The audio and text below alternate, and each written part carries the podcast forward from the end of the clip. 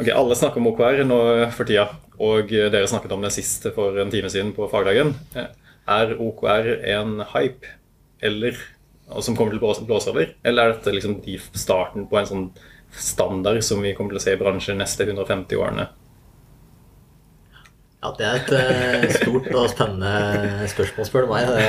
Den som hadde svaret på det, hadde å si, uh, sikkert gjort det godt. Det er et veldig stort, åpent rammeverk, på en måte, så det kan jo ja. favne den, Det er ikke direkte linka til organisering, nødvendigvis. Mm. Mm. Så tenker jeg taler jo for.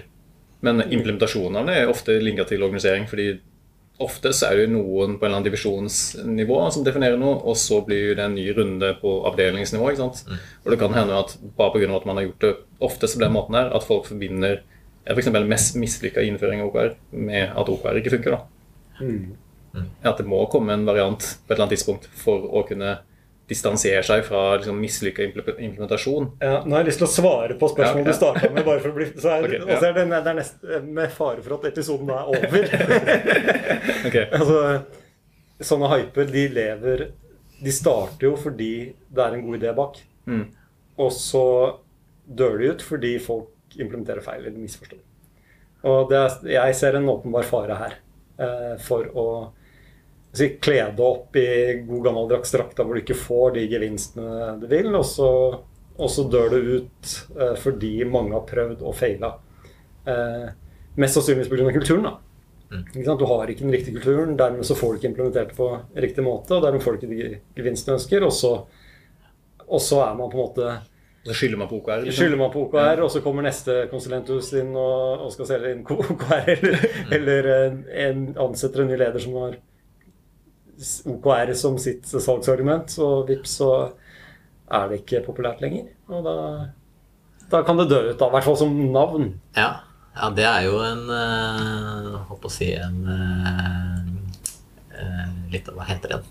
Nå står det helt stille for meg. En Øh, Brannfakkel? Brannfakkel, ja. ja, sorry. Jeg, da, jeg. ja, brannfakkel. Ja. Eh, for å, å svare litt på, på, det, da, så snakket vi jo eh, om at Alternativet i en del tilfeller er jo å ikke ha noen målstyringsform i det hele tatt. Mm. Eh, så jeg er jo kanskje litt av den oppfatning at eh, jeg tror at verden på lang sikt vil bevege seg i retning av eh, at målstyring blir eh, viktigere, og at flere vil benytte seg av liksom, en struktur for å gjøre det, nettopp fordi at eh, alle bedrifter og alle organisasjoner har, mm. har mål.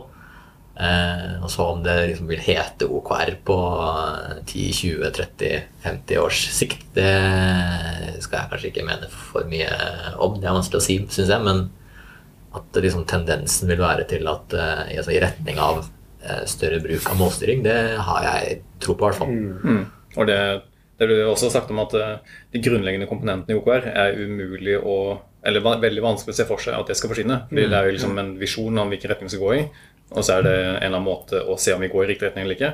Og så er det tiltak for hvordan vi skal gå i den retningen. Det er liksom vanskelig å se for seg hva alternativet skulle vært. da. Ja, det er liksom det. Uh, og i tillegg til det så har jo OKR også liksom muligheten for å justere tidlig og liksom Ja, det har en del grunnleggende komponenter da, som får gjøre at jeg tenker at det er litt sannsynlig at det dør ut som fenomen, men at kanskje navnet og liksom form blir justert litt da, på sikt.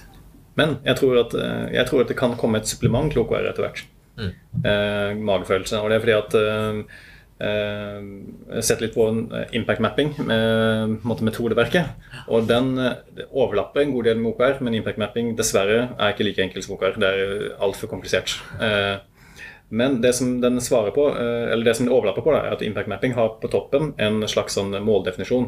Og inni der så har du det som typisk ville være kalt for objectives, mm. en eller flere av de, og så ville typisk hatt noe som er key results, men det, det, de kaller det for mål noe annet. da.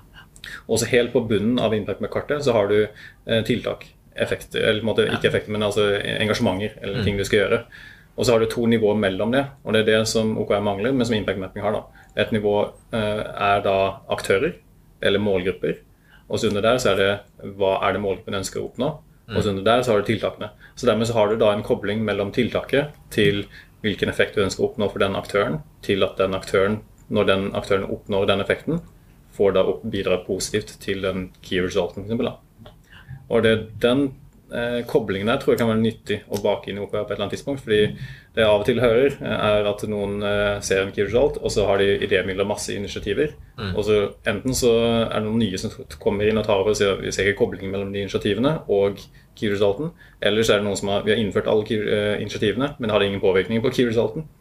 Så er det, det er egentlig ganske sånn langt sprik da, mellom key result og initiativ. Mm. Og dermed ved å koble inn måte, hvilken, hvem er målgruppen for det initiativet ditt, og hvilken effekt du ønsker å skape med målgruppen, mm. så har du også en viss fleksibilitet i å komme opp med nye initiativer og en track, tracking. da. Mm. Så det er liksom en hypotese om at det kan være en sånn miks av de to modellene i fremtiden som kan, mm. kan, være interessant. Vil det gjelde alle nivåer? Altså, vi snakker jo om OKR-er på ulike nivåer i organisasjonen. Mm. mm. Det høres i hvert fall veldig relevant ut på type produktteamnivå. Ja, det er nok mer kanskje ned der, kanskje. Hvor, mm. hvor det kan være uenighet om hvilken målgruppe som er viktigst, f.eks. Ja, ja. mm. ja, også en interessant ting ved det syns jeg er at eh, en av fordelene med OKR er at det er så enkelt sammenlignet med andre balanserte egentlig, som mm. eh, kanskje var gullstandarden tidligere. Eh, spørsmålet på, på, sikt kan jo, som vi egentlig er litt inne på her, er jo om OKR blir for enkelt. At man må legge på liksom litt mer eh, kompleksitet igjen for å fange opp en del av de nyansene. Mm. Uh, at det er liksom der justeringen kommer, heller, om, heller enn at liksom grunnkomponentene forsvinner på sikt. Mm. Eh, ja, det har jeg også litt eh, tro på at det kanskje kan mm. skje, da, selv om jeg personlig er veldig fan av den enkelheten som følger med OKR-et. Mm. Ja. Meg bak det at sånn, det er et rammeverk som er så enkelt at det er Det er egentlig ganske åpent for eh, justering også.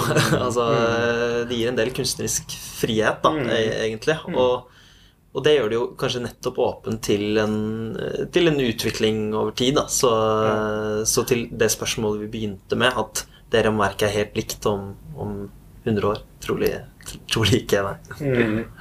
Mm. Mm. Bare et annet navn. Bare et annet navn.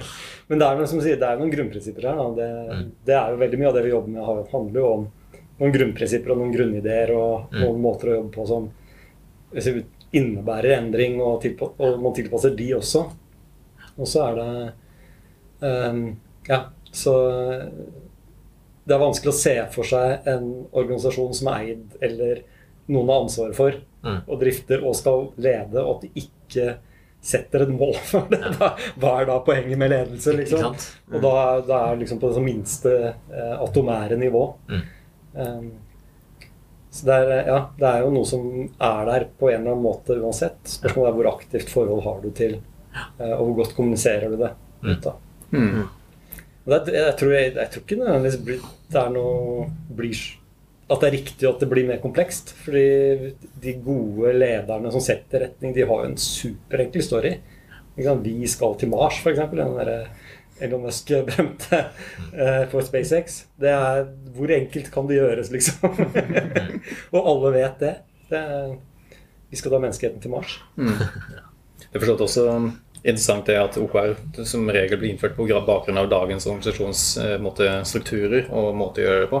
Hvordan vil det se ut når vi kommer til et tidspunkt hvor f.eks. avdelinger ikke finnes lenger? Vi må finne en annen måte å organisere en organisasjon på. rett og slett.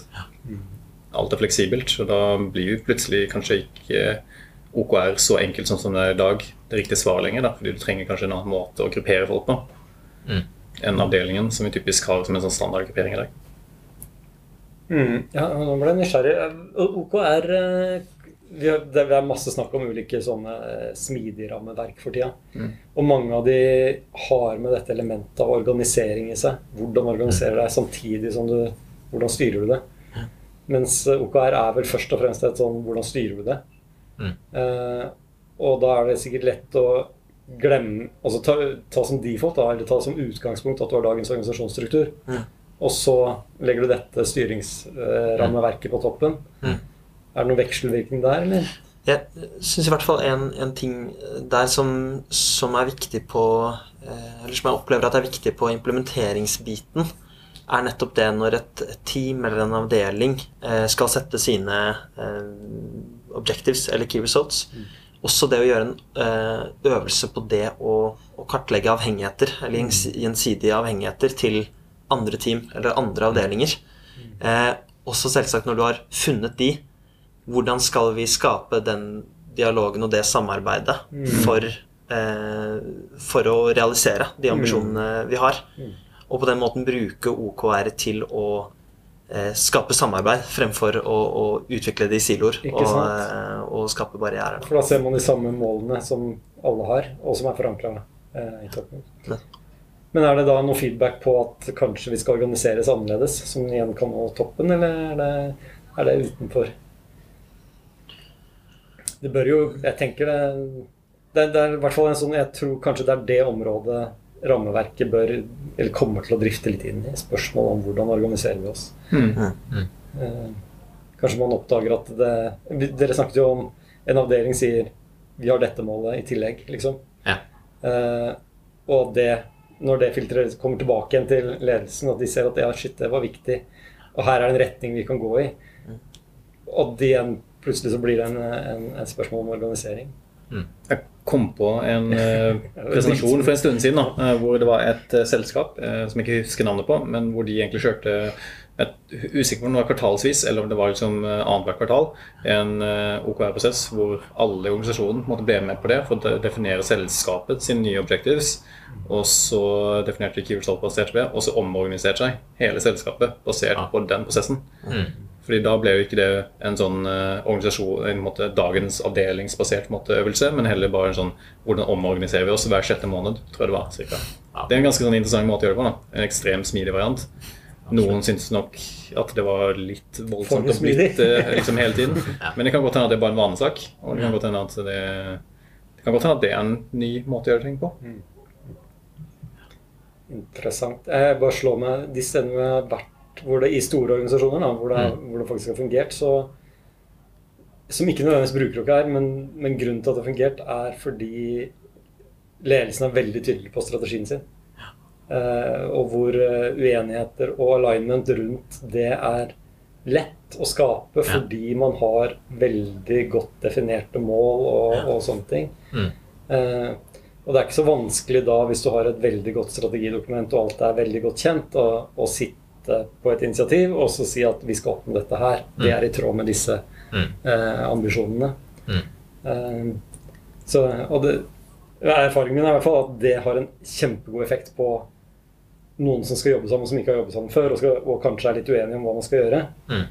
Eh, og at uh, OKR kanskje gjør det enda enklere og enda mer innlysende. og Man slipper å ta den bla fram strategirapporten og slå på side 14. Se her, vi forankrer den her. Er vi mm. enige? Ja, vi er enige.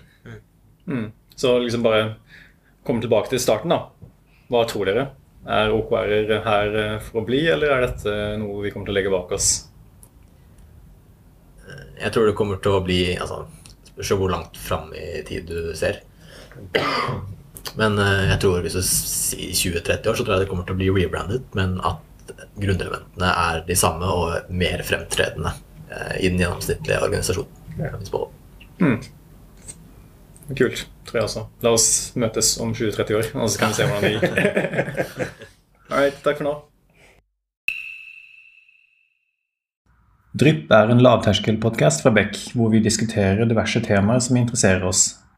Og Hvis du har et tema som du har lyst til at vi skal snakke om, eller du vil være med på en innspilling, ta kontakt på drypp.beck.no.